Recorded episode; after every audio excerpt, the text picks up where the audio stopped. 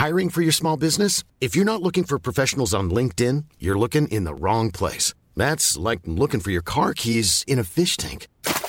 LinkedIn helps you hire professionals you can't find anywhere else, even those who aren't actively searching for a new job but might be open to the perfect role. In a given month, over 70% of LinkedIn users don't even visit other leading job sites. So start looking in the right place. With LinkedIn, you can hire professionals like a professional. Post your free job on linkedin.com slash people today. Burrow's furniture is built for the way you live. From ensuring easy assembly and disassembly to honoring highly requested new colors for their award-winning seating, they always have their customers in mind. Their modular seating is made out of durable materials to last and grow with you. And with Burrow, you always get fast, free shipping. Get up to 60% off during Burrow's Memorial Day sale at burrow.com slash ACAST. That's burrow.com slash ACAST. burrow.com slash ACAST. Hey, it's Danny Pellegrino from Everything Iconic. Ready to upgrade your style game without blowing your budget? Check out Quince. They've got all the good stuff, shirts and polos, activewear, and fine leather goods, all at 50 to 80% less than other high-end brands. And the best part? They're all about safe, ethical, and responsible manufacturing. Get that luxury vibe without the luxury price tag. Hit up quince.com slash upgrade for free shipping and 365-day returns on your next order. That's quince.com slash upgrade.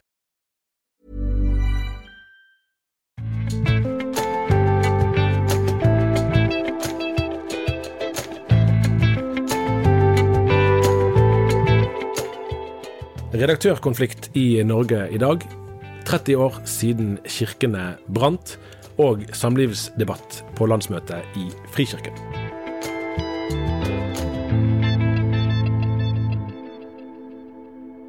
Dette er denne ukens episode av Tore og Tarjei, som fremdeles er en podkast fra dagen. Og her i studio har Tore Almar Sævik og meg sjøl, Tarjei Gilje, besøk av kollega Karl Almedal, som skal være med oss i hvert fall i to av de tre eh, temaene vi skal eh, snakke om i dag.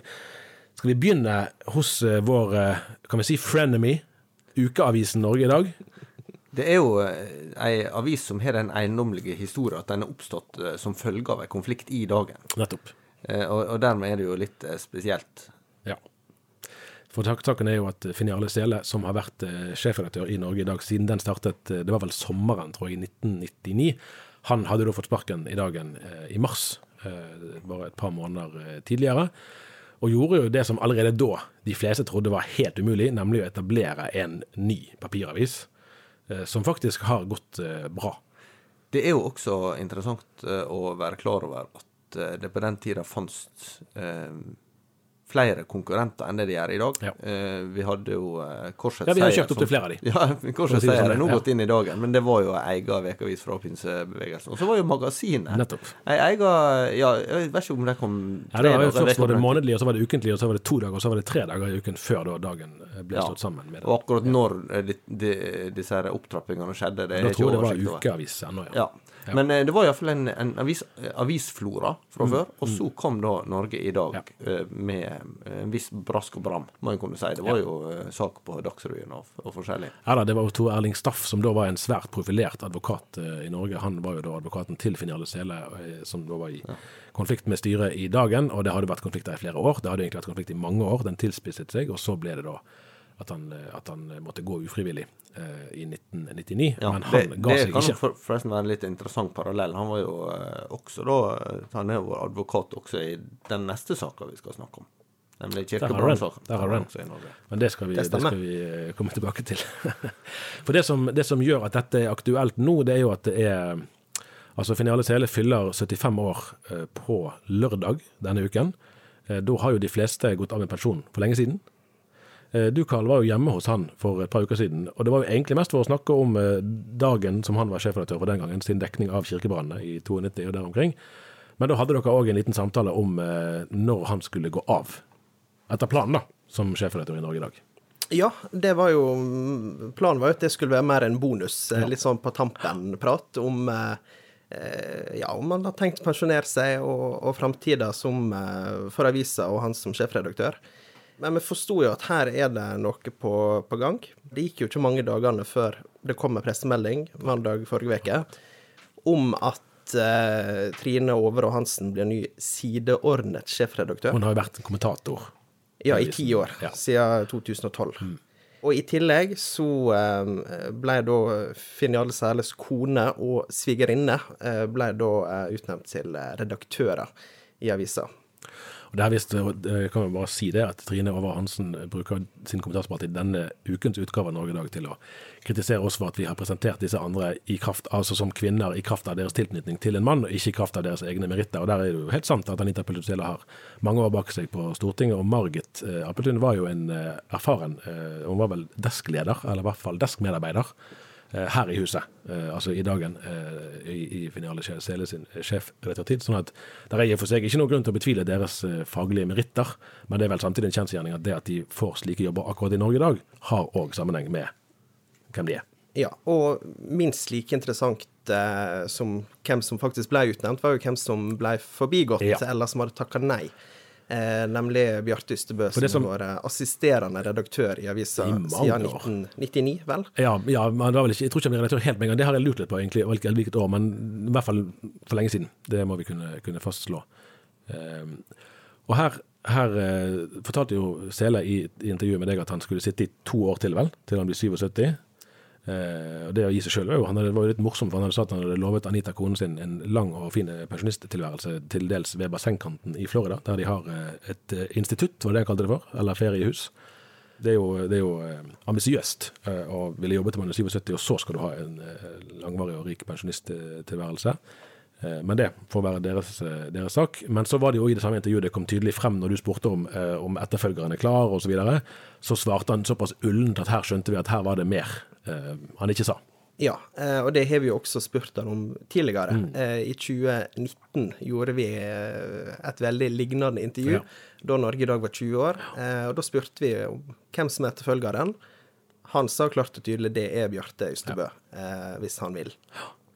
Eh, og så spurte vi da igjen eh, for et par uker siden, da jeg var hjemme hos han. Og da s- sa han fortsatt at eh, Ystebø skulle få jobben hvis han ville. Men når vi spurte om hvilket forhold det var mellom de to, eh, så ble han mer ordknapp. Ja. Og dette, så vidt jeg husker, så ble dette intervjuet publisert digitalt på fredagen. Det sto i papir i dagen på den mandagen, og samme kveld klokken 22.23 omtrent eh, kom det en pressemelding eh, fra Trine Overå Hansen om at nå var det da tilsatt tre nye redaktører, og hun var sjøl en av de tre. Så da var det jo full fart for å oppdatere. Jeg tror du intervjuet vel Finn Jarle Sedle omtrent klokken 23 om kvelden den dagen. Ja. Men det er vel omtrent lunsjtid, tror jeg, ut fra hans vanlige arbeidsdøgn, så det var ikke noe problem.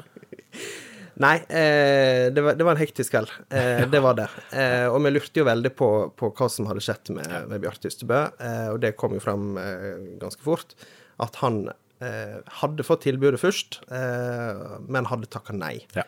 Og han forklarte jo det i et TV-program. Han har jo et TV-program sammen med Linn Myhr på Visjon Norge. Det var på det på onsdagen, tror jeg, i samme uken. Og der sa han noe om det, at han fikk et tilbud som Finn Jarle omtalte som gullkantet. Det var det delte meninger om. Eh, Men det gikk vel på at han skulle få Bjarte Ystebø skulle få være sjefredaktør, men med det han opplevde som begrensede fullmakter.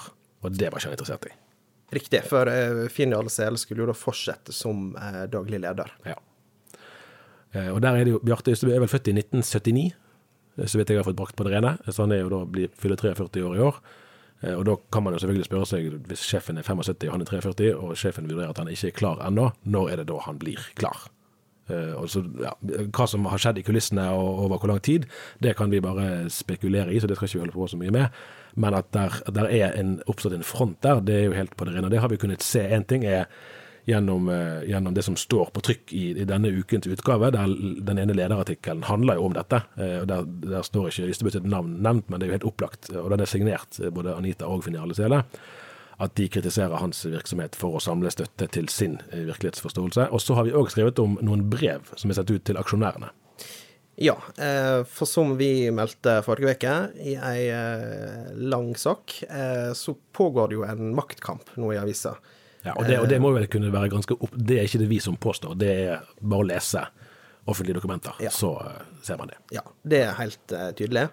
Eh, de prøver å samle fullmakter før generalforsamlinga i avisa, eh, som er nå i slutten av måneden. Den skulle egentlig være 18. juni i forbindelse med sommerstevnet, men den er blitt flyttet til 29. 29. Ja. juni.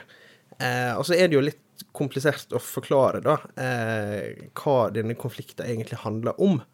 Eh, men sentralt står da en emisjon eh, i bedrifter. Det er altså en aksjeutvidelse, at man utvider antall aksjer i selskapet. Ja. Ja. Eh, og det er de da uenige om. Eh, Ektepar Sæle, som sitter i styret, går jo da inn for det og mener dette er viktig for å realisere For da er tanken å, å få mer prosjekt. kapital inn i selskapet, det er det som er Ja, det er jo blant mål. annet da dragd Q42 Nettopp. i Kristiansand inn i det her. Altså bygget til Philadelphia Kristiansand. Ja, for Der skrev jo vi en sak i vinter om at eh, ikke Norge i dag i og for seg, men var det Kristen Medieallianse eh, Det har vært disse selskapene som er tilknyttet, som hadde gitt en gave. Ja, for, for Norge i dag har et fond eh, som, som de da har brukt til å, eh, til å hjelpe Philadelphia Kristiansand. Ja, og der står saken, da. Og da er det jo, jo spørsmål om hvem som skal ha kontrollen. Og da, eh, i det brevet som kommer fra Ystebø til aksjonærene, så er vel fortellingen at her er det noen andre som prøver å overta styringen av avisen, mens Finale Sele sin fortelling er at Norge i dag har handlet om dekonsentrasjon av makt, mens her er det én ansatt. Som åpenbart må være Ystebø, som nå angivelig da prøver å ta makten til seg sjøl gjennom denne aksjonen. Riktig. Eh, og nå sitter de jo da og eh, ringer, eh, sender brev, eh, e-poster, vil jeg tro, eh, til aksjonærer, Ja. store og små, for å samle fullmakter. Det er et par tusen av de. Det er 3000 aksjonærer i Kristen Media Allianse. Og da er det jo noen få av de som har veldig mye aksjer, mens de fleste av de har ikke så mange aksjer. Sånn at det er ganske mange, og du må ha mange av de for å få noe volum når det gjelder stemmetall i generalforsamlingen. Ja. Eh, så her er det jo et kappløp om å samle flest mulig fullmakter.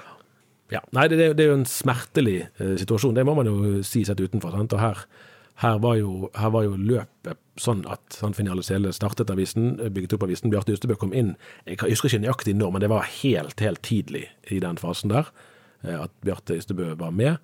Eh, Så de har vært sammen eh, i dette arbeidet i over 20 år. Og ut fra alder så var det jo ganske opplagt at eh, her lå det an til en, en smidig eh, stafettveksling, og så er det da et eller annet som har skåret seg. Eh, og det virker vel sånn nå, vil nå i hvert fall jeg tolke da, at eh, eh, enten eh, Sannsynligheten for at Bjarte Ystebø blir sjefredaktør, og at disse tre andre nye redaktørene blir sittende, virker å være mindre enn 50 Det er på den annen side da motsatt, at hvis de, hvis de vinner, så spørs det om han vil være interessert i å fortsette under deres ledelse. Men det, det må jo bare fremtiden vise, da. Ja, og det, og det skriver jo også eh, ektepar særlig i, eh, i den lederen eh, som vi nettopp snakka om i, i avisa denne veka, at eh, hvis styret blir kasta, så er også eh, Finiale og Anita Ja. Sæle ute Ja, ja, av avisa. Så der er det jo en eh, Ja, det, det, blir en, det blir jo en eh, interessant eh, og, og det, altså, det er ikke til å legge skjul på at generalforsamlinger eh, kan jo være en eh, høylytt affære. Ikke nødvendigvis sånn bokstavelig høylytt, men i hvert fall med sterk intensitet òg her i huset. Og det var det jo òg til tider i den tiden Finale Sele var eh, sjefredaktør her. Eh, og det er vel, det er vel litt sånn tendens at eh, når man opplever å stå i en åndskamp, som jo denne avisen eksplisitt er tuftet på, eller har som uttalt mål å, å operere i, så blir, når det oppstår konflikter, så kan de bli ganske sterke. Eh, og det er jo det som er litt sånn Jeg syns det er så trist å se dette utspille seg for åpen scene, da. Så kan man jo mene veldig mye om Norge i dag. Eh, det er jo en litt annen sak, men, men eh, akkurat dette scenarioet her, i forbindelse med både 75-årsdagen til Finale Sele og og generalforsamlingen og det som kunne ha vært så forskjellig. Så ja, det er et sørgelig skue. Du Tor Hjalmar er jo privat kompis med Ystebø, sånn at du har ikke sagt noe i denne samtalen her så langt. Nei, jeg bare unngår å Ja, kommentere Men det. det er, bare, det er greit at det er out in the open, sånn at det er, det er Ja. Nei, det, det, det her kunne vi ha sagt veldig mye mer, eh, for det er jo en lang historie. Jeg har skrevet en, en har Jeg hørte til en sånn øvelse nå disse siste månedene, at nå hadde Johannes Kleppa, som var redaktør i dagen før, han fylte 70. Eh, Odd Sverre Hove, som var sjefredaktør i dagen etter Finale han fylte 75 i eh, mai. 28. mai, tror jeg det var. Eh, og Finale fyller nå 75 eh, på lørdag, så jeg har skrevet en, en eh, forsøksvis hyggelig Nei, lørdag, sier jeg. Det er jo fredag, den 10. juni. Eh, en forsøksvis hyggelig tekst om han eh, til, til morgendagens avis, og det er jo mye historie. Altså I alle bedrifter skjer det jo ting eh, på bakrommet. Eh, Hvor mye av det som skjer på bakrommet skal man nødvendigvis eh, fortelle om eh, offentlig, ikke alt sikkert. Eh, ja. Her er det jo spesielt mye da, eh, som har foregått. Eh, ja. Det er ikke helt godt å vite hvor denne historien slutter. Det tror jeg vi kan fastslå, i hvert fall. Og så får vi jo se da i ukene fremover frem mot generalforsamlingen eh, hvordan det blir eh, der. Og så kan vi jo si til lytterne at eh, hvis de vil nerde litt mer da, på, Ja. på den konflikten, så ligger det noen fyldige saker på dagen.no de kan eh, søke å finne. Da tror jeg vi går over til eh, hovedemne nummer to i dag. eh, og det er altså eh, historien om kirkebrannene. Og det har jo den historiske bakgrunnen at det er nå 30 år siden. Ja, jeg husker en junimorgen i 1992, da jeg våkna opp til sjokket om Fana Nei, Fantoft stavkirke. Mm. Den ligger jo ja, Jeg vet ikke hvor lenge det tar å sykle dit fra redaksjonen. Kanskje ti minutter. Ja. Så, så det er jo veldig nær her vi, Mm. her vi sitter akkurat nå, da. Og den er blitt bygd opp igjen, men, men eh, det er Åsane kirke, som er ca. Ja, ti minutter å kjøre herfra, Mm. er i retning nord. Eller motsatt retning. Eh, begge de brann. Og, og det forteller at vi vi er jo i den byen der uh, mye av dette her Nei, men det var ikke pga. manglende vedlikehold. Altså, Nei, det var det ikke. Det var rett og slett eh, påtent. Dette har du, eh, Karl, eh, vært med å lage en podkast om, sammen med Mm. kollega Bjørn Olav Hammerstad, som har vært produsent, og Miriam Kirkholm, som òg klipper denne podkasten. Eh, dere ga nok hun mye gøyere utfordringer enn det vi gjør. For her, vi sitter bare her og preiker. Men dere har jo lagt inn flotte effekter med både musikk og forskjellige TV-intervjuer fra gamle dager og litt av hvert, så dette er jo en, en helt annen type produksjon enn det vi gjør her. Fortell litt om hva som var ideen til å lage den podkasten. Vi satt rundt nyttår og snakka om okay, hva jubileum er det neste år. Eh, og ganske fort begynte vi å snakke om, eh, om kirkebrannene. Eh, det var noe som vi hadde hatt på blokka, både jeg og, og Bjørn Olav Hammerstad. For min del så handler det om at det har blitt laga veldig mye dokumentarer, eh, filmer, TV-serier. Til og med Hollywood-film har blitt laga om kirkebrannene. Men det aller meste ser det fra black metal-miljøet sin side. Og kirkene blir nærmest en slags eh, rekvisitt eh, i, i filmene. Eh, så vi ville for første gang se kirkebrannene fra Kirke-Norge eh, sitt ståsted. Prøve å gjenoppleve litt, særlig den sommeren i 92, eh, som var jo en fryktens sommer. Eh, Og da- du var jo ikke født engang. Nei, nei, nei. Eh, jeg er jo født i 1996, så jeg husker ikke noen junidager i, i 92.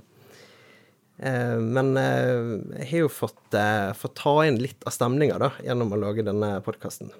Når, når husker du at du første gang hørte om det? Jeg eh, tror jeg ble bevisst på Greven ganske tidlig. Altså Greven Varg Vikernes. Som egentlig eh, Christian Vikernes, ja, men det navnet passet jo ikke for en som ville vært satanist. Nettopp. Eh, det gikk ikke særlig ikke på engelsk. Eh, så, så han skifta navn til Varg Vikernes. Og så tente jo han på Akkurat hvor mange kirker, det, det vet vi jo ikke, men han ble dømt for eh, tre branner iallfall. Og i media ble han omtalt som greven. Og ble nærmest en sånn mytisk skikkelse, en sånn monster under senga for, en, for en hel nasjon. Og det husker jo jeg også fra min barndom, selv om jeg er født eh, litt etter kirkebrannene, så var jo greven en sånn skikkelse som var oppe i media av og til. En sånn som, som levde litt i, i bevisstheten. Nettopp. Eh, For noe av det som dere belyser, er jo, er jo medieomtale, både i Dagen og for så vidt også i magasinet denne den gangen. Men, men eh, det var jo mange flere medier som skrev om dette. Eh, og, og Didrik Søderlind, eh, en av de som er intervjuet en del, eh, som har skrevet om det òg, eh, han er vel kanskje mest kjent som, som en, en eh, Han er jo humanetiker som hører på lovsangsmusikk. Ja, og har skrevet bok om Kristen-Norge også, faktisk. Han har en slags rei- rundreise i Kristen-Norge for 10-12 år siden. Ja, Ja. For, det, for det, var jo et spørsmål hvor mye av dette altså Kirkebrannen var jo en realitet, det skjedde, det skjedde jo, ingen tvil om det. Eh? Men, men av greiene rundt det med hvor mye satanisme det egentlig var, og hvor mye som var egentlig musikkultur som fikk noen, eh, noen sånn belegg utenpå, det er jo noe man lurer på i dag. Var det egentlig var element av hype større enn det man erkjente da? Og det, det kan jo vel si at dere kommer frem til at det, det var mer av det. Ja. Og, og der er det kanskje viktig å skyte inn altså det, det, Satanisme er jo har jo vært historisk også ganske forskjellige ting.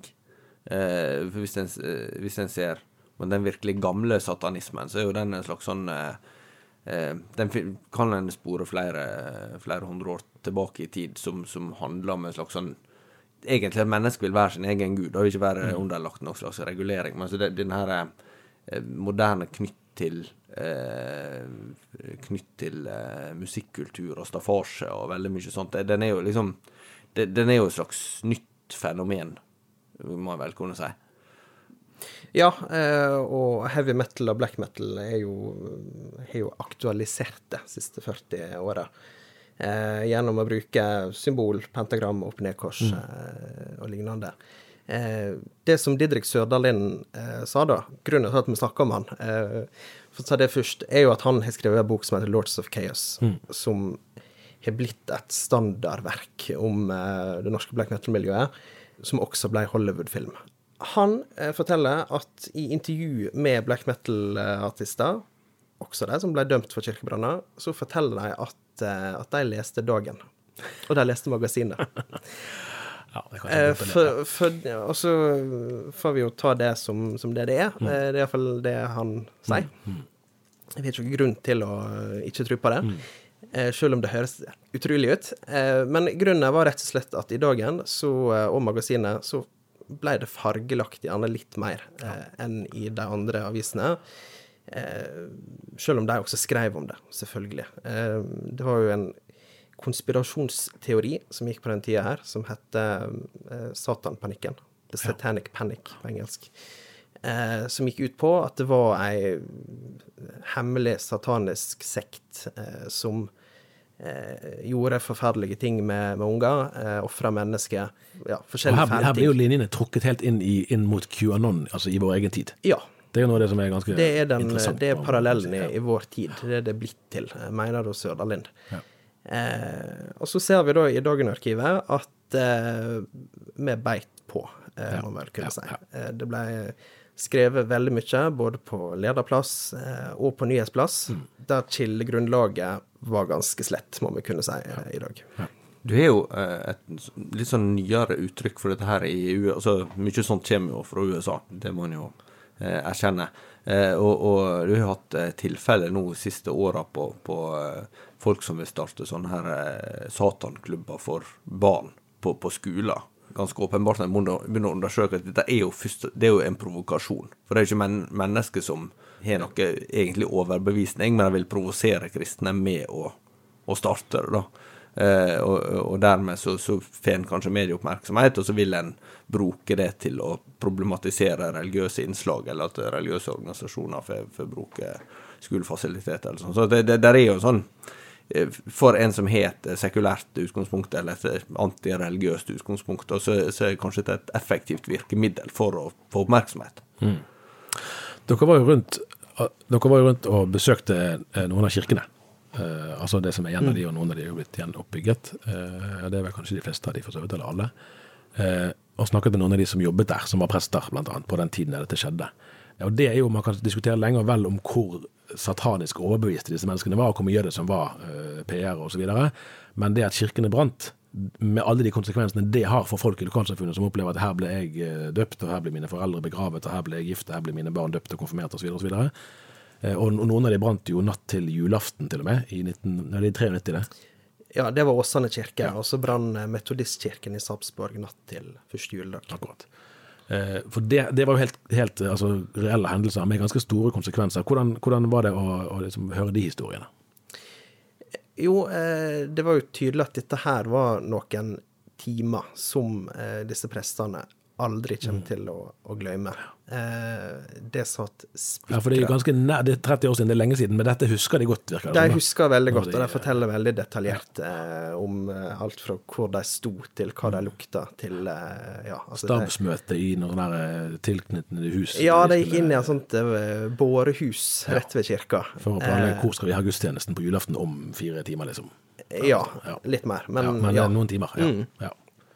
Det, det husker man jo. Mm. Og så var det jo òg også etter den som du nevnte i Sarpsborg, så, så var det jo mer enn kirken som brant. Der gikk det jo òg et liv tapt. Ja. Der var det en brannmann som het Odd Ingar Krogfoss, som uh, mista livet. Eh, og det, det er jo en brann som gjerne ikke er den som er mest huska i dag. Eh, jeg hadde ikke hørt om den før jeg eh, begynte å jobbe med det her. Eh, for det er jo bilder av Fantostavkirke og Åsane kirke som, og Holmenkollen kapell, eh, som har stått igjen liksom som de ikoniske brannene. Eh, men brannen der det gikk et liv tapt, har nok eh, gått litt i glemmeboka. Så det har jo vært veldig, eh, veldig fint å kunne kunne eh, rette søkelys mot det igjen. Det er jo en brann som aldri er oppklart heller. Men ser dere noe sånn vendepunkt? For dette var jo sånn, sånn som dere er inne på, ei bølge. Men, men så ble da ei midlertidig for, for det er jo noe av det som, som jeg husker som en sånn eh, Som kanskje gjorde eh, at inntrykket festa seg såpass sterkt som det for min del, var at dette her innleder en slags ny æra i Norge. For at du får en følelse at eh, kristendom i Norge er under angrep på en veldig dramatisk måte. Som en liksom ikke så for seg kunne være mulig. Men så eh, ble jo på en måte slutt, da. Altså, er, er, er det mulig å, si hva som er årsaken til at det stoppa opp såpass sånn? At det ble såpass midlertidig som det ble? Ja, altså, det, det brann jo fortsatt kirke utover 90-tallet. Eh, men det var jo veldig spesielt i, i 92 at det var ni kirker på, på seks måneder. Så vet ikke om jeg skal spekulere så veldig mye grunn til det, men én grunn kan jo kanskje være at eh, han som sto bak eh, flere av dem, Varg Vikernes Greven, han ble jo fengsla eh, i januar 93. Og så var det jo flere sånn copycats, som det heter, som ville kopiere brannene hans, som brant kirke utover på 90-tallet. Eh, men den store bølga, eh, iallfall i podkasten vår, da, så definerer vi den fra, fra juni til desember i, i 92. Men var det Altså, det blir, dette blir jo omtalt som en sånn eh, kultureksport fra Norge som har hatt. Altså, ordet suksess er jo litt eh, vanskelig å eh, bruke med eh, Ja, av forståelige grunner. Men, men altså, det har iallfall noe som er blitt relativt kjent utover Norge, for de som er interessert i, i, i sånn musikk. Men, men likevel virker det som at det var en sånn periode da dette her eh, ble etablert eh, som et fenomen, da, da dette skjedde. Men at det, det, det finnes jo fortsatt folk som, som holder på med den sjangeren. Ja, ja du, du tenker på black metal? Ja, ja. Ja, eh, ja eh, altså De som var tidlig ute, eh, Mayhem og Dark Throne og disse første bandene, har jo blitt legender. Eh, og selger jo fortsatt. Eh, vi var i platebutikker i Oslo og i, i London også. Eh, og de sa jo det rett ut. Det er de gamle platene, de gamle norske platene fra eh, 1991, 2 og 3. Det er de som selger mest eh, også i dag. Eh, og det er jo blitt av turistnæring også. Blackpacking. Eh, hadde ikke vi hørt om før vi, vi begynte å se på det her. Eh, og de, de besøker jo både eh, kirke som, som brann, eh, og de besøker platebutikker og kjøper eh, norske plater. Og, og, eh, så det har det har jo blitt kultureksport, og det ble jo også slått fast nå når Munch-museet åpna ny utstilling. Satyricon og Munch. Eh, Satyricon er jo et av de virkelig store black metal-bandene.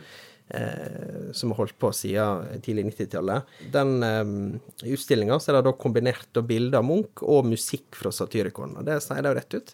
Det er for å kombinere to av Norges største eh, kultureksporter. Så, så det, det er på, på den eh, hylla det blir eh, plassert. Det finnes mange slags kultureksport, med andre ord. Ja. Du, det siste emnet vi raskt skal berøre i dag, det er jo da det som heter synodemøte i Den evangelisk-lutherske frikirke. Og synodemøte det tilsvarer landsmøte eller generalforsamling Ja, i andre sammenhenger. Dette her handler litt om Jeg skal ikke gå inn i detaljer om, om uh, kirkestrukturer, men det handler om hvordan frikirka er organisert. Eh, og, og de har jo da Det er delt opp i, i presbyterium, som er liksom kanskje et slags ja. eh, parallell til bispedømmet. Og så eh, er det synodemøte, som er kirkemøte der, og der de møtes. Det er i utgangspunktet annethvert år. Ja, Allerede tredje hvert. Ja. Det er jeg faktisk ikke helt sikker på. Eh, Det som i hvert fall er helt klart, er at det var et digitalt som var i fjor. Da skulle det ha vært det ordinære, men da kunne man jo ikke det. Og så nå skal de møtes fysisk i helgen. Eh, Det har jo vært eh, landsmøte, eller det har generalforsamling het der òg, i Misjonskirken for et par uker siden. Og så skal det være eh, lands... Eller DELK har 150 års jubileum, landets eldste frikirkesamfunn, om eh, 14 dager, vel. Og så har jo Misjonssambandet generalforsamling i juli, så det er vel de som er av sånne samlinger nå. Men altså nå, her og nå først ut er Frikirken sitt. Og der er det jo der som andre steder, særlig eh, den ventede samlivsdebatten som nok setter sterkest følelser i sving. Eh, Der er det et forslag fra Kraftverk menighet i Oslo, der Kjetil Gilberg er pastor. Ja, og det, det er vel et mer sånn ungdommelig, litt eh, Kanskje ikke helt A4-frikirke? Nei, det tror jeg er riktig å si. Eh, Og det de har ønsket er i og for seg ikke et vedtak om å endre teologien, men om å utrede eh, teologien. Eh, Og så har landsstyret, altså synodestyret, kommet med et motforslag som i og for seg sier ned det samme, men som er noe neddempet. eh, Som går ut på at de skal ha en komité som skal arbeide med eh, hvordan Frikirken Ikke egentlig grunnleggende om selve synet på ekteskapet, det er ikke det som er liksom hovedanliggende, selv om det blir jo en del av det, men å vurdere hva er det som er såkalte bekjennelsesspørsmål, altså hva slags spørsmål er det som skal ha kirkesplittende kraft, og eventuelt hva skal man gjøre med menigheter som stiller seg utenfor det som er Frikirken sin offisielle lære. Eh, Det er jo ikke så mange år siden en ville sagt at ja, men dette er jo et spørsmål som går i Den norske kirke. Frikirka har jo en teologisk konservativ profil, og dermed så er ikke dette her så aktuelt der. Det er aktuelt, eh, men det er nyttig å huske på når man skal fortolke det, at f.eks. i den Kristen-Norge-undersøkelsen som Dagen gjennomførte i 2019 blant kirkeaktive, så var det fire av fem i Frikirken som, som eh, mente at likekjønnede par ikke skal kunne gifte seg i kirken. Eh, og når jeg har prøvd å forhøre meg litt hos ulike personer, ikke minst blant ledere i Frikirken, så er jo inntrykket at 70-80 og, og noen steder kanskje 90 eh, står på det som er Frikirkens etablerte syn. Eh, Men det er noen sterke talspersoner for å endre teologien. Og nestformann Ann Mari Sjaga Toppland har jo vært blant de som ikke nødvendigvis har tatt til orde for at man skal snu, men at man bør eh, altså spurt om vi har en teologi som er helhetlig nok, som, som, er, eh, ja, som omfatter eh, alle som den bør omfatte. Eh, og sånn sett har jeg tatt til orde for en, en eh, prosess der de skal se på, på dette. Og ja, det er jo flere som har antatt eh, at Eller det har jo erfaring for så vidt vist at idet et kirkesamfunn går inn den døren og begynner å ta disse samtalene, disse spørsmålene opp til realitetsbehandling, så, så er på en måte en, en, det som noen vil kalle i hvert fall for en liberalisering neste, eller et par skritt frem eh, langs veien. Det er ikke noen garanti, det er ikke noen naturlov som sier det, men det er vel det som har skjedd eh, hittil hos de som har prøvd. Men, men noe av det litt interessante her er jo at de, de som har engasjert seg sterkest på, på konservativ side, er jo ikke de eldste. Så altså, det er jo lett å tenke at det, det er de eldste som, som på en måte er mest konservative, og de yngste mest liberale. Det kan være en sånn naturlig antakelse, eh, men den ser ikke ut til å stemme her. Eh, Rett og slett flere av de som ønsker en oppmykning, er godt voksne folk, mens, mens det virker som det store flertallet, og, og ikke minst blant yngre pastorer, eh, er blant de som ikke ønsker eh, en sånn eh, endring. Eh, Så det er verdt å huske på. Kan, man kan bli litt lurt her, tror jeg, av at det er noen eh, av de som ønsker endring, som behersker offentligheten ganske godt, og som ønsker å benytte seg av offentligheten, mens de som eh, står for et mer tradisjonelt syn, ikke nødvendigvis ønsker å ta den samtalen offentlig. De vil heller ta den eh, i, i andre mer interne og kanskje mer private eh, fora, og dermed tror jeg nok at man kan få et litt sånn karikert bilde av hva som er de egentlige styrkeforholdene. For mest sannsynlig, det virker som klart at synodestyret sitt forslag i denne saken, det kommer til å få klart eh, flertall. Eh, Men det er jo, altså, det kunne jo vært alternativ å bare si at vi har en teologi, den ble, den ble behandlet så sent som i 2017, vi trenger ikke gjøre noe mer med saken. Det er ikke forslaget deres. Forslaget deres er jo faktisk å ha en komité som skal arbeide med hvordan man skal tenke og, forstå dette. Eh, Så det kommer til å bli flere runder, og det skal opp igjen da på neste møte i 2023. Det arbeidet som nå settes i gang. Da får vi følge det videre. Det er det ca. 100 sjanse for at vi kommer til å gjøre. Sette punktum for, eh, for i dag. Nettopp. Vi sier det sånn, vi. Takk for besøket, Karl. Eh, Podcasten, hvis man trenger å laste ned appen Dagen podkast, og der ligger da de seks episodene i, eh, om- i Kirkebrannserien tilgjengelig. Vi høres. Ha det bra.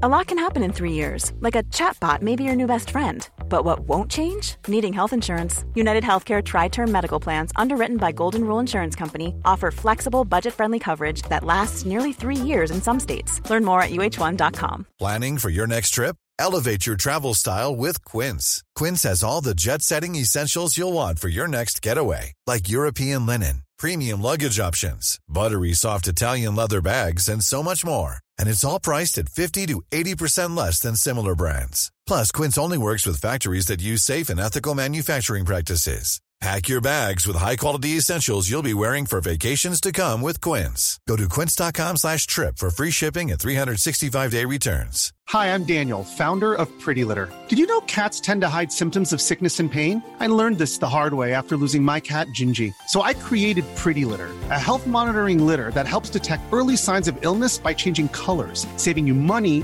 and potentially your cat's life. Pretty Litter is veterinarian developed, and it's the easiest way to keep tabs on your fur baby's health right at home. Go to prettylitter.com and use code ACAST for 20% off your first order and a free cat toy. Terms and conditions apply. See site for details.